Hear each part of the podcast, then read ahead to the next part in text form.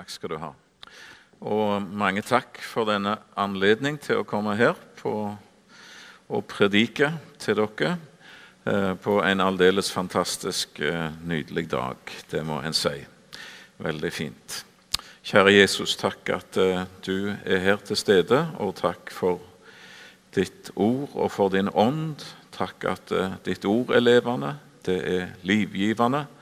Takk for hver en som har møtt deg, Jesus, på denne plass, som vi tilhører deg. Herre, må ditt folk få leve godt med deg og godt med hverandre og være et vitnesbyrd. Det ber vi om Jesus, og det ber jeg òg om for min del. Nå ser du min hjelpeløshet, og du ser, eh, du ser hva du har på hjertet og gjerne ville få sagt. Herre, tal.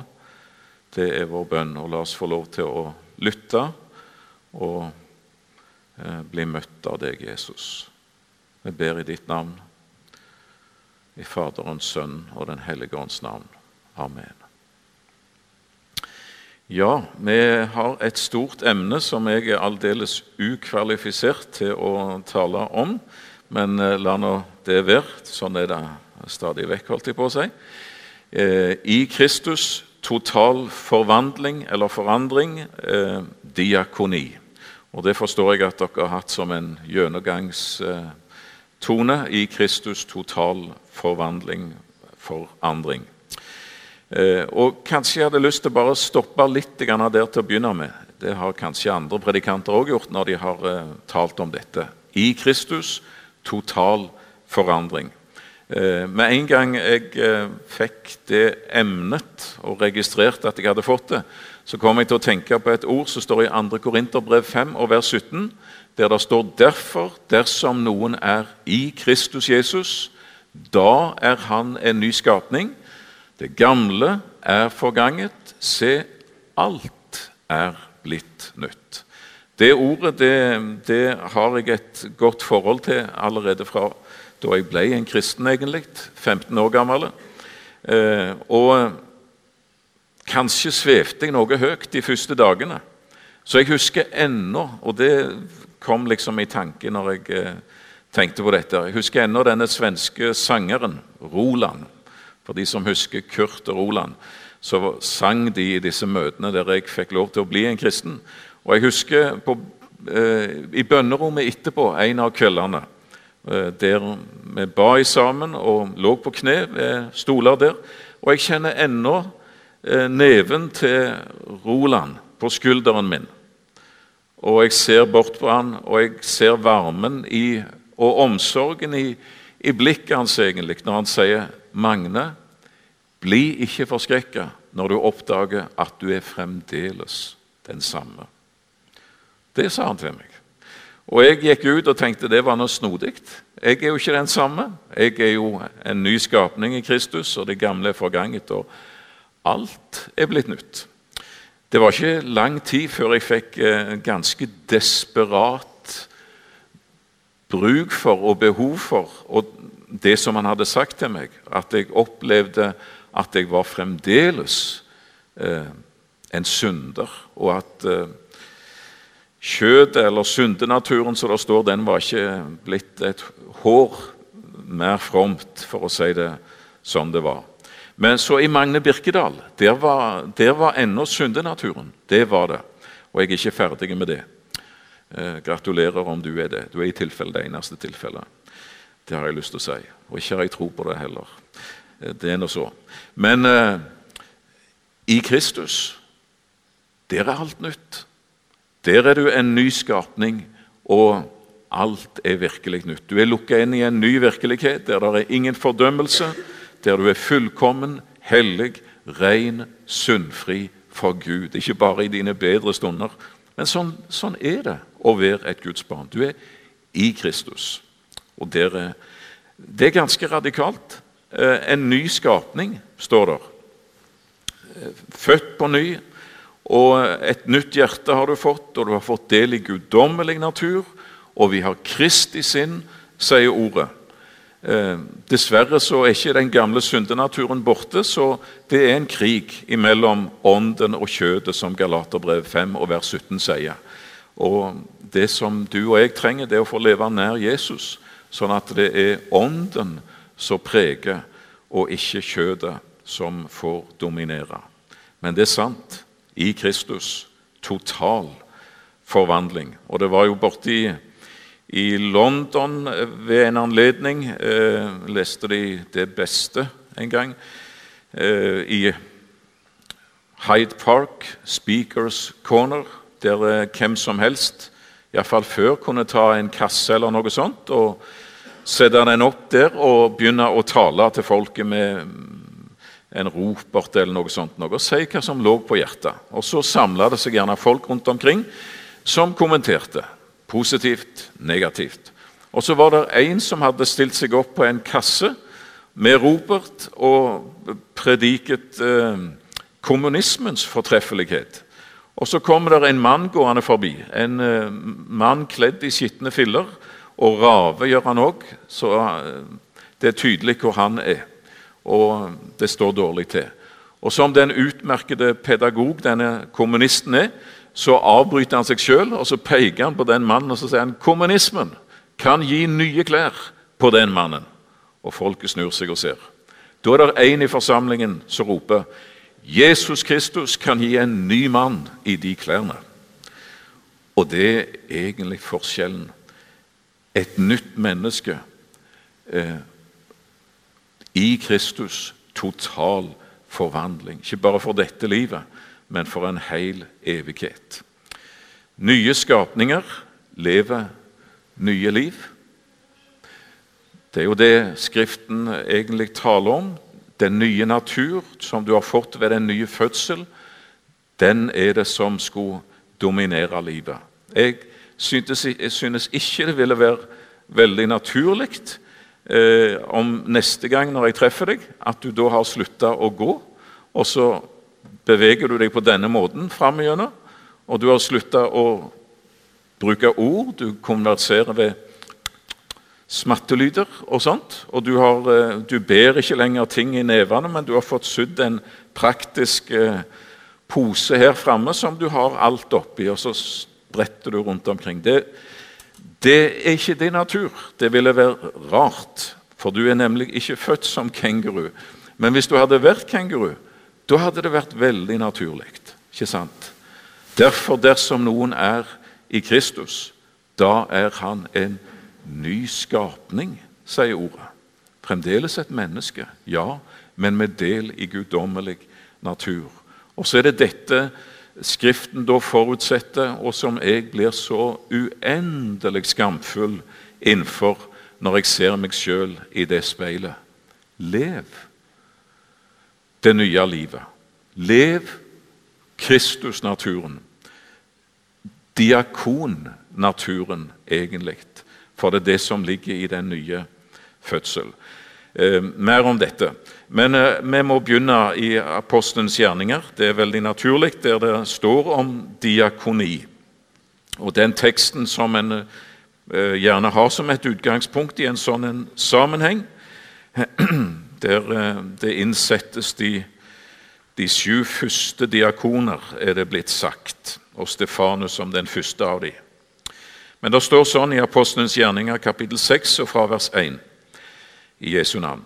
På denne tid, da tallet på disipler stadig økte, begynte de gresktalende jøder å knurre mot de hebraisktalende over at deres enker ble tilsidesatt ved den daglige utdeling. De ble diskriminert, prioritert bak i leksa. Da kalte de tolv hele disippelskaren sammen og sa:" Det er ikke rett at vi forlater Guds ord for å tjene ved bordene. Brødre, velg derfor ut blant deres sju menn som har godt vitnesbyrd, er fullt av ånd og visdom. Dem vil vi sette til denne oppgaven. Men vi vil holde ved i bønnen og ordets tjeneste. Det de sa, fikk tilslutning hos hele flokken, og de valgte ut Stefanus, en mann full av tro og Den hellige ånd, og Philip og Prokurus og Nikanor og Timon og Parmenas og Nikolaus, en mann fra Antiokia som var gått over til jødenes tro. Disse menn stilte de fram for apostlene, som ba og la hendene på dem. Og Guds ord hadde framgang. Tallet på disipler i Jerusalem økte sterkt, og en stor flokk av prestene ble lydige mot troen. Diakoni, det står det på grunnteksten òg her, altså dette ordet som det er avledet av. Eh, et ord som i seg sjøl rett og slett i utgangspunktet betyr tjeneste, eller å tjene.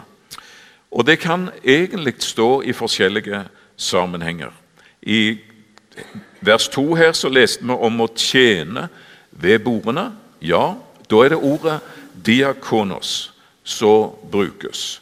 Men det er det samme ordet faktisk som står i vers, eh, i vers 6, er det vel. Eh, vers 4, rettere sagt. sagt. Vi vil holde ved i bønnen og ordets diakoni, står der. Så i seg sjøl er ordet eh, fra utgangspunktet av et, et, ord som rett og slett benyttes om tjeneste. Og det er et underordningsord, kan du gjerne si. Et ord som bibeltolkere sier i seg sjøl, eller som én skriver, var et foraktet ord i den tid det ble talt, i den kultur eh, det først ble brukt. For det at det, det gikk på din personlige frihet. Du, du, ble stående på en måte i forhold til en annen person der du inntok en tjenerstilling og tjenerposisjon og satte dette mennesket kanskje foran dine egne behov. Så Derfor så var det i utgangspunktet et, et, et negativt lada ord. Det var andre ord om å tjene eller å gjøre ting som, eh, på vegne av andre som var mye mer positivt betrakta. Men det er kanskje typisk. Veldig typisk egentlig at det så tar de troende dette ordet og fyller det med et stort innhold og sier at det, det er ikke noen skam. Det er ikke noe nederlag. Og det går ikke på eh, sjølrealisering eller noe sånt å bøye seg ned og stå i et tjenesteforhold til et annet menneske. Det er ikke det. Eh, til og med når det står om denne engelen, eller disse englene som viste seg i Getsemane for å avhjelpe Jesus i hans angst der, så er det ordet diakoni som brukes om englene sin tjeneste. Eh, vi kan gjerne si litt mer om dette her, eh, foraktede ord i utgangspunktet, som blir hellige i den kristne tro. Eh, Markus, for det har noe med sinnelag å gjøre. Markus kapittel 10. Ja, i Markus kapittel 9 der blir det en pinlig taushet, forresten. For det at Jesus går foran sine disipler, og så, så snur han seg mot dem etter hvert og så sier han hva dere snakket om når dere var på veien. Så ble det veldig taust. Fordi de, hadde, de tidde, for på veien hadde de snakket med hverandre om hvem som var den største. Hvem av oss er størst? Av oss eh, som følger etter Jesus. Og Det var forskjellige meninger om det, og det var vel de som tenkte at det må da utvilsomt være meg. Det, det var, det var iallfall sånn at det ble taust. Det ble pinlig taust når Jesus stilte det spørsmålet. Og så tar Jesus dette vesle barnet og stiller det imellom dem. Og har en liten bibeltime for dem om det. Det er ikke Det er sånn det er i mitt rike. Det går ikke mer enn ett kapittel. Trenger ikke mer enn å bla om ett blad i Markus 10 så kommer Jakob og Johannes til Jesus på tomannshånd. Og de sier, 'Mester, vi vil at du skal gjøre for oss det vi ber deg om.' Når du sagt til Jesus, at det er to og tre blir enige om å be om, det skal de få. Og Nå tar vi deg på ordet. Vi har mamma med, hun dytter på oss, og så er det oss to. Og vi vil gjerne at du skal, du skal gjøre det som vi ber deg om. Ja vel, sier Jesus. Hva vil dere? Jo, at den ene av oss må sitte ved din høyre og den andre ved din venstre side i din herlighet. Så kan du bestemme hvem av oss som skal sitte hvor, men vi vil gjerne ha de to beste og øverste plassene. Ikke mer enn ett kapittel siden. Ikke sant? Jesus hadde talt til dem. Eh, og Jesus blir indignert. Dere vet ikke hva dere ber om. Og selvsagt, da de ti hørte dette, ble de harme på Jakob og Johannes. Har du hørt? Jakob og Johannes har prøvd å kuppe de beste plassene. Samling igjen. Ny bibeltime. Alle sammen. Jesus kalte dem til seg og sa til dem, hør. Matteus 10, 42-45. Dere vet at de som gjelder for å være fyrster for folkene, hersker over dem, og dere stormenn bruker makt over dem. Det å herske, og det er makt. Slik skal det ikke være blant dere. Men den som vil være stor blant dere, skal være alles tjener. Og den som vil være den første blant dere, skal være alles trell. For heller ikke menneskesønnen er kommet for å la seg tjene, men for selv å tjene og gi sitt liv som løsepenge i mange sted. Det skal ikke være sånn i Guds rike og blant de hellige som det er i den verden vi lever, der det gjelder å komme høyest og få mest ære og være fremst og størst. Det er ikke det som skal være vår vilje og vår tanke. Og selv, altså I Guds rike så er underordning det overordnede prinsippet. I Guds rike er underordning prinsippet. Og Det står mye om det, men eh, bare siterer iallfall i Efeserbrev 5.: Bli fulgt av Ånden. Efeserbrev 5 og vers 18. Ja, hva virkninger gir det? Når du så blir fulgt av Ånden, er det massevis av, av sensasjonelle ting. For all del, Ånden gir seg utslag eh, og karismatisk og i forskjellige sammenhenger. Men det som er kjennetegnet, det er jo det som Jesus sier i de neste ord. Og han sier i vers 21.: Underordne dere under hverandre i Kristi frykt. Ikke i redsel for hverandre, menneskefrykt, men i ærefrykt og respekt for Kristus. Underordne dere under hverandre. Og hva er det Jesus da snakker om? Jo, da snakker han om det sinnet som rett og slett anser seg å være en tjener i forhold til min neste. Og aldri en herre. Aldri. Altså, Du kan ha en overordna stilling, det er ikke noe imot det. I neste øyeblikk så tales det om arbeidsgivere og arbeidstakere. Men selv en, en, en overordna skal i forhold til sin neste og sin ansatte ha tjenersinne og anse seg som en tjener i forhold. Og Jeg tenker på en mann som jeg eh, har møtt. Han driver en business, og han har mange ansatte. Og det er ikke mye troende holdt jeg på å si, akkurat der i den sammenhengen. Men alle vet det at sjefen ber for meg.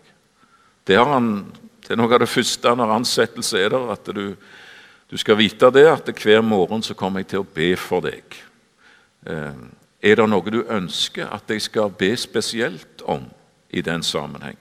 Noe som du Eh, har, eh, som du gjerne vil at jeg skulle be for. Og det vet disse ansatte, at hvis det er noe som står på, så kan de gå til sjefen og si 'Kan du be for det?' Det er ikke noen kristenfolk, men, men de, altså de, har en, en, som bryr seg om dem. Ikke bare det de produserer i, i kroner og verdier, men som faktisk har den omtanken for dem. Eh, og har det tjenersinnet. Det er et fantastisk prinsipp. Det er ikke noe som ligner på det i verden. For i verden er det overordningsprinsippet som gjelder. At den skal opp og fram og sånn og sånn, og alltid blir det sånn at du, du, må gjerne tråkke ned noen. ikke sant? For å komme opp så må du bruke noen som trappetrinn og sånt. Og så blir det denne herrene Der for å komme opp så er det klatresamfunnet. Og så er det dette her gudsrike prinsippet som er helt motsatt, som sier at du skal gå inn under det neste. Skal du løfte den. Og så Hvis det er et troende menneske, så er han òg der. Og så skal han gå inn under deg og underordne seg og løfter. Og så går du inn, og så er det ingen som blir tråkka på. Men alle blir løfta. Det er guddommelig. Verden ser rødt når de hører underordning. De eh, går aldeles i vranglås. Men det er det gudsrike prinsippet, og det er tjenersinnet, og det er rett og slett det som er diakonisinnet.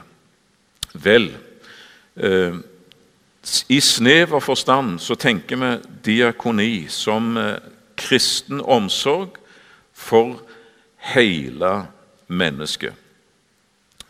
Kropp, sjel, ånd. Altså hele, eh, hele mennesket, dets eh, timelige og evige vel, egentlig, for det ligger i diakonien. Det er jo noe av det som skiller dem fra alt annet arbeid og alt det som kan ha syn for mennesket, for, for menneskets kropp og for menneskets sjel eller syke, om du vil, i den sammenheng, men som ikke strekker seg lenger enn det. Diakoni det handler om hele mennesket. Hovedsaken at de må bli frelst. Brødre, mitt hjertes ønske, min bønn til Gud for dem, er at de må bli frelst. Så mens alt annet eh, arbeid strekker seg helt til gravkanten, kanskje, og fyller helt så langt, så har diakonien et enda lengre sikte, for den har evighetsperspektivet. At eh, deres ånd og deres åndelige liv må, ja, de må bli frelst og ikke må gå fortapt. Kristen, altså diakoni, omsorg for hele mennesket, for kropp, for sjel, for ånd, for menneskets timelige og evige vel. I Jerusalem, som vi leser om, så var det rett og slett et positivt problem, må en jo si, i utgangspunktet. At det var, det var blitt så mange disipler. Og det var vel òg sånn at eh, eh, vekkelsen gikk først og fremst fram blant småkårsfolk, blant fattige, blant slaver, blant eh, de som sto noe lenger ned på rangstigen. og Derfor så fulgte det jo òg med mange ting i den sammenheng, med det at en måtte tjene ved bordene. Og Det betydde jo rett og slett å skaffe mat, eh, som de òg gjorde i synagogen. Det var en jødisk eh, tanke som lå til synagogen, og som de kristne tok selvsagt og, og videreførte. At her er det mange fattige. Ikke, her er mange enker. Her er mange faderløse. Eh, vi må gjøre noe for dem. Vi kan ikke bare servere dem Guds ord og si eh, 'Gud velsigne dere', og så sende dem hjem. Vi må, vi må, skaffe mat. Vi må skaffe det de trenger. Gi dem eh, det for behøver for hverdagslivet. Ja, så ble det så mange munner å mette etter hvert at eh, en mista oversikten, og så ble det litt urettferdig. Og så var det jo apostlene som sto i spissen for alt dette. Og Det syns jeg er en veldig fin ting, når de da trår i sammen og sier at hør, eh, vi klarer ikke å holde styr på dette, her, og det er heller ikke rett. Vi har en spesiell eh, oppgave det med, med, bønnen og med ordets tjeneste, og der eh, må vi være konsentrerte. Eh, men vi ser jo behovet, og så velger de ut etter kriterier disse folka her som nevnes ved navn, som skal tjene ved bordene. De skulle ha omsorg for hele mennesket. For kropp, for sjel, for ånd. Nå er det nok sant at mye og, og Egentlig så er det mye av vekkelsene Hvis du ser på, på Vestens kulturhistorie, så er det ikke tvil om at det er mye av de vekkelser som har vært, som har bygd det moderne samfunn, velferdssamfunnet, eh, med alle de goder som er, med omtanke for, for syk og for svak og for uh, fattig. Det, hvis du graver langt tilbake, så finner du veldig ofte at det er vekkelser og det er Guds rike som ligger der i bånn. For det at den tanken lå ikke i de gamle kulturer, rett og slett. Å gi noen noe som ikke kunne gi noe tilbake, og lindre nød bare fordi det var nød, og uten noe hensyn bak det. Nei, la de klare seg sjøl.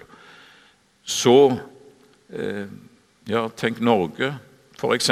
Hans Nilsen Hauge, vekkelsen, som eh, bygde mye av det moderne Norge. Og Det kan du se hvis du sporer historien i, i Vesten sånn som det nå en gang har vært. Vi er ufattelig privilegerte som lever i en velferdsstat med, som, og et sosialdemokrati, skal vi si, som, som dekker mange av disse behov som gjerne i den aller første kristentid de troende måtte ta seg av med å ordne med mat og alt dette. her. Det er bygd sykehus, det er, der er trygder, og det er stønader, og det er pensjon, og det er mange, mange flotte ting. Takknemlige for det. For, for, noen ser det ut til å være nok. Jeg husker Jon Jøssang, den smått legendariske eh, misjonær. Han siterte en gang sangen på nummer 379 i sangboka. 'Sørg, o kjære Fader du', het han iallfall i, min, i mine unge år.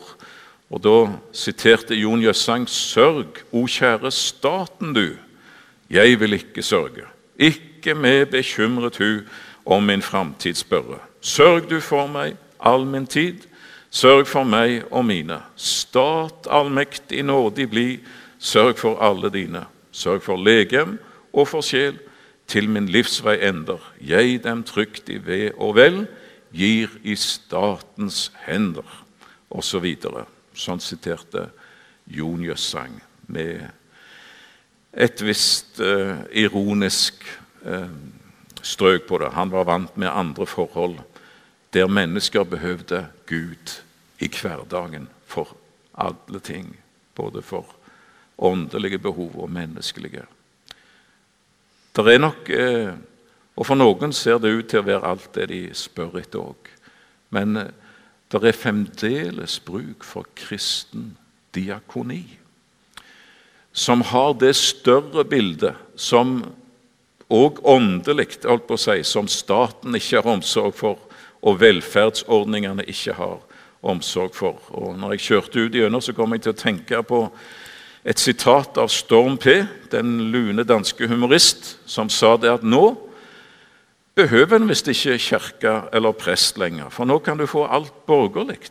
Du kan få borgerlig navneseremoni, du kan bli konfirmert borgerlig. Ikke trenger du prest eller kirke til vielse, og ikke engang til begravelse. Det eneste du ikke kan få borgerlig, sa Storm P., det er en borgerlig oppstandelse. Det tilbør ikke verken den ene eller andre. Og det, det er den dimensjonen. Altså hele mennesket.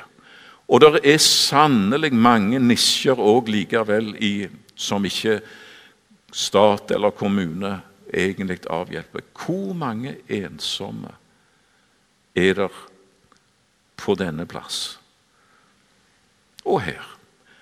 Hvor mange som sitter alene i en leilighet med massevis av tunge tanker? Kanskje de endatil før gikk på bedehus eller kirke. Nå sitter de der og føler seg avskilta, og de er glemt. Og det er kanskje ikke så mange de har lenger i, i familie eller noe ting, liksom. Og det som kommer og kommer og kommer og kommer på besøk, det er alle de tunge tankene. Og det Utslittheten og, og veldig mange der jeg sitter, for mange eldre iallfall, og når helsa svikter, så er det så mange tanker som kommer og surrer rundt omkring. Hvor mye åndelig og menneskelig nød er det i denne vakre bygd og fine plass òg når sola skinner og alt er så fint ytre sett. Om glade mennesker ler og har familie og barn og alt rundt seg. Men hvor mange er det som ikke har det sånn? Og hvem ser de? Ja, jeg har ingenting å rose meg av, det er helt sikkert. Det har jeg ikke. Jakob han er veldig praktisk, Jesu bror.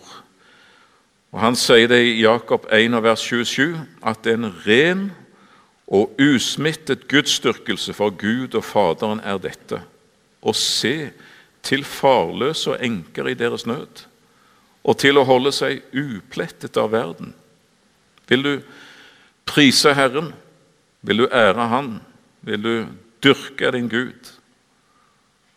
Se til farløse og enker. De står som representanter for mennesker i, med behov, rett og slett, sier ordet.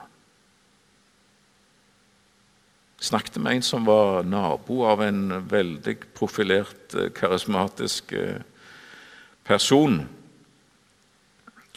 En av de som uh, synger høyest i hallelujakoret og sånt. Og meg, Det var ikke det at det var, vi snakket ikke om noe sånt, men, men uh, denne personen sa det at uh, han er så beinhard med kona og med, med ungene sine. Han er så hard. Det kunne vedkommende som nabo se og være rusta over. Ja, hva hjelper det da å stå og synge høyest og tale i tunger og tyde og hva det måtte være, når du er beinhard med kona og med dine? Det er ikke mye å rope hurra for. Det er ikke det. Og Jakob han drar det ned på, på aller, håper jeg, på nivået her, ikke sant? ned på bakkenivå, så ser han en ren og usmytta gudsdyrkelse for Gud og Faderen er dette. Se til farløse og enker i deres nød, og holde seg upletta av verden. Redd for synd. Ja, det, og det er der i Vil du tjene meg, sier Herren, så tjen, eh, så tjen mine, og tjen de jeg elsker. Og Jakob 2, eh, vers 15-16, veldig praktisk. Dersom en bror eller søster ikke har klær og mangler mat for dagen, og en av dere sier, sier til dem, gå bort i fred, varm dere og spis dere mette, men ikke gir dem det legemet trenger, hva gagner det da? spør Jakob. Gud velsigner deg, sier vi. Ja vel. Det er fint, men han vil jo gjerne velsigne igjennom de mennesker som er hans. da. 1. Eh, Johannes 3, der står det òg eh, veldig praktiske ting. Vers 17.: Den som har jordisk gods og ser sin bror lide nød, og likevel lukker sitt hjerte for ham, hvordan kan kjærligheten til Gud bli værende i ham? Ja, men det er noe helt annet. At jeg elsker Gud, det er jo noe helt annet. Nei, sier ordet. Når du ser din bror lide nød, og lukker ditt hjerte for han, og så sier du 'jeg holder åpent hjerte for Gud'. Det er ikke sånn det er. Mine barn, la oss ikke elske med ord eller med tunge, men i gjerning og i sannhet. Ja, eh, jeg må eh, gå inn for noe landing, og jeg, jeg, er langt utenfor det jeg har skrevet i rekkefølge og alt i sammen. Det får nå bare være. Eh, men det er noe Det er altså noe her, ikke sant? Én Diakoni er for det første menighetssak. Det forstår vi når vi leser i teksten vår, som vi bare hadde som utgangspunkt i Apostelens gjerninger kapittel 6. De, de organiserer, de eh, setter opp ting ikke sant? Og, og delegerer ansvar. Og faktisk i nådegavelistene Bare les i Romerbrevet 12, f.eks., så vil du se at det, det å, å, å dele ut og det å eh, vise barmhjertighet, det står som nådegaver. På samme linje som akkurat disse forkynnende nådegavene som eh, apostlene konsentrerte seg om. Men det er jo andre som har andre nådegaver, og som er mer praktisk retta, og det skal de være. Og Det var ikke noe mindreverdig det på noen måte. De står i nådegavelistene.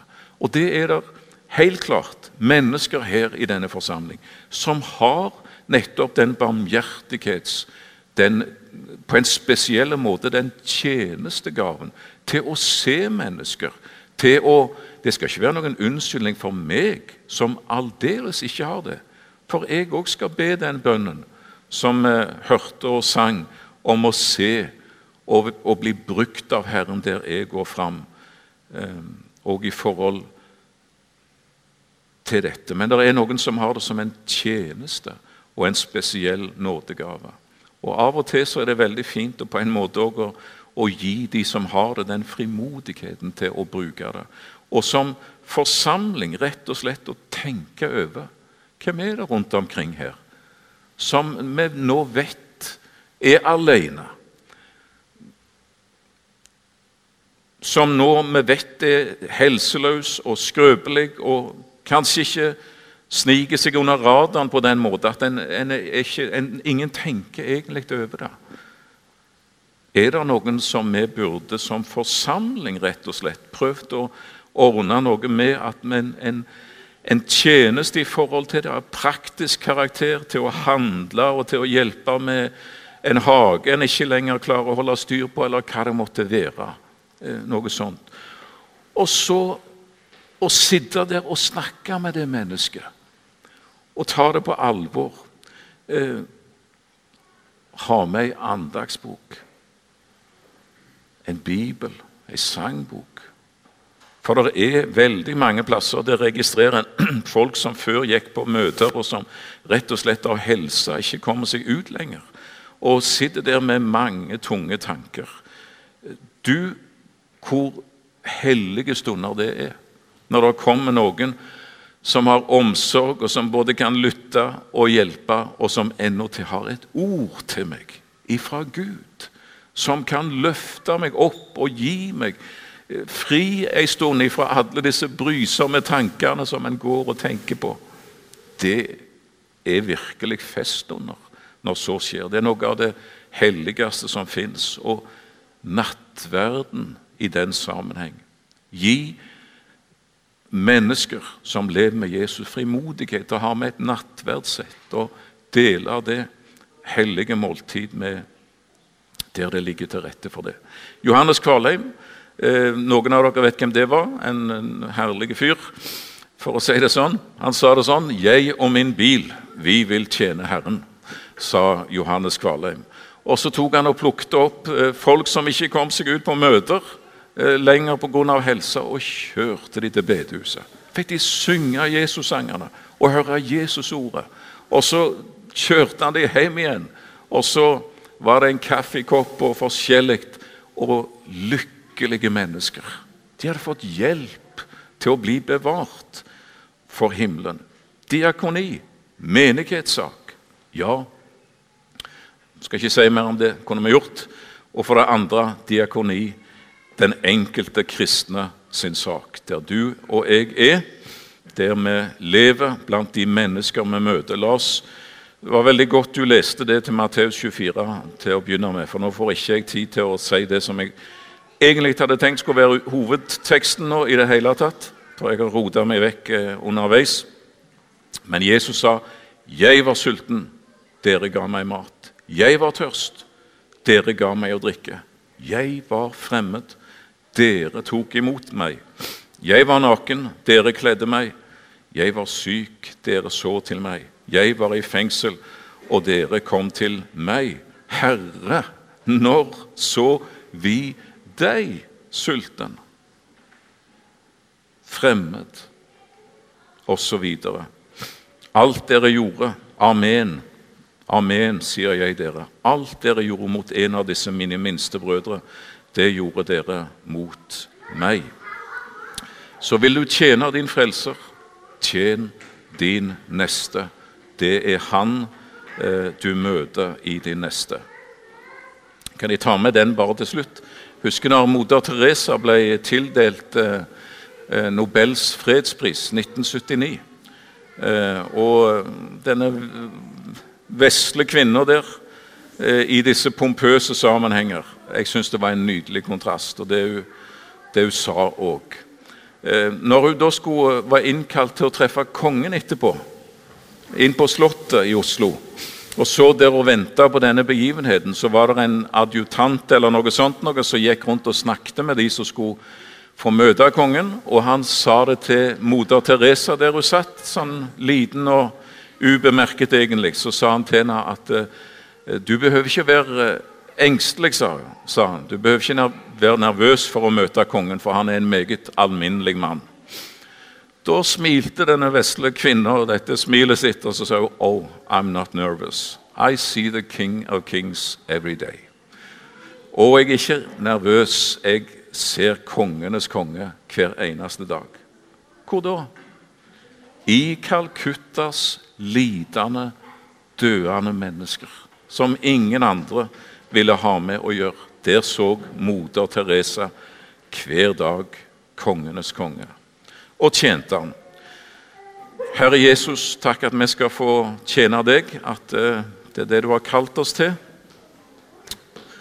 Jeg trenger din nåde, Jesus. Jeg trenger ditt blod som renser fra all synd, og jeg trenger det blod som gir ny frimodighet for å leve livet sammen med deg og for deg. Så må du vise oss de mennesker du elsker, og eh, vise oss uh, det vi trenger, Herre, for å være din tjener i forhold til dem. Amen.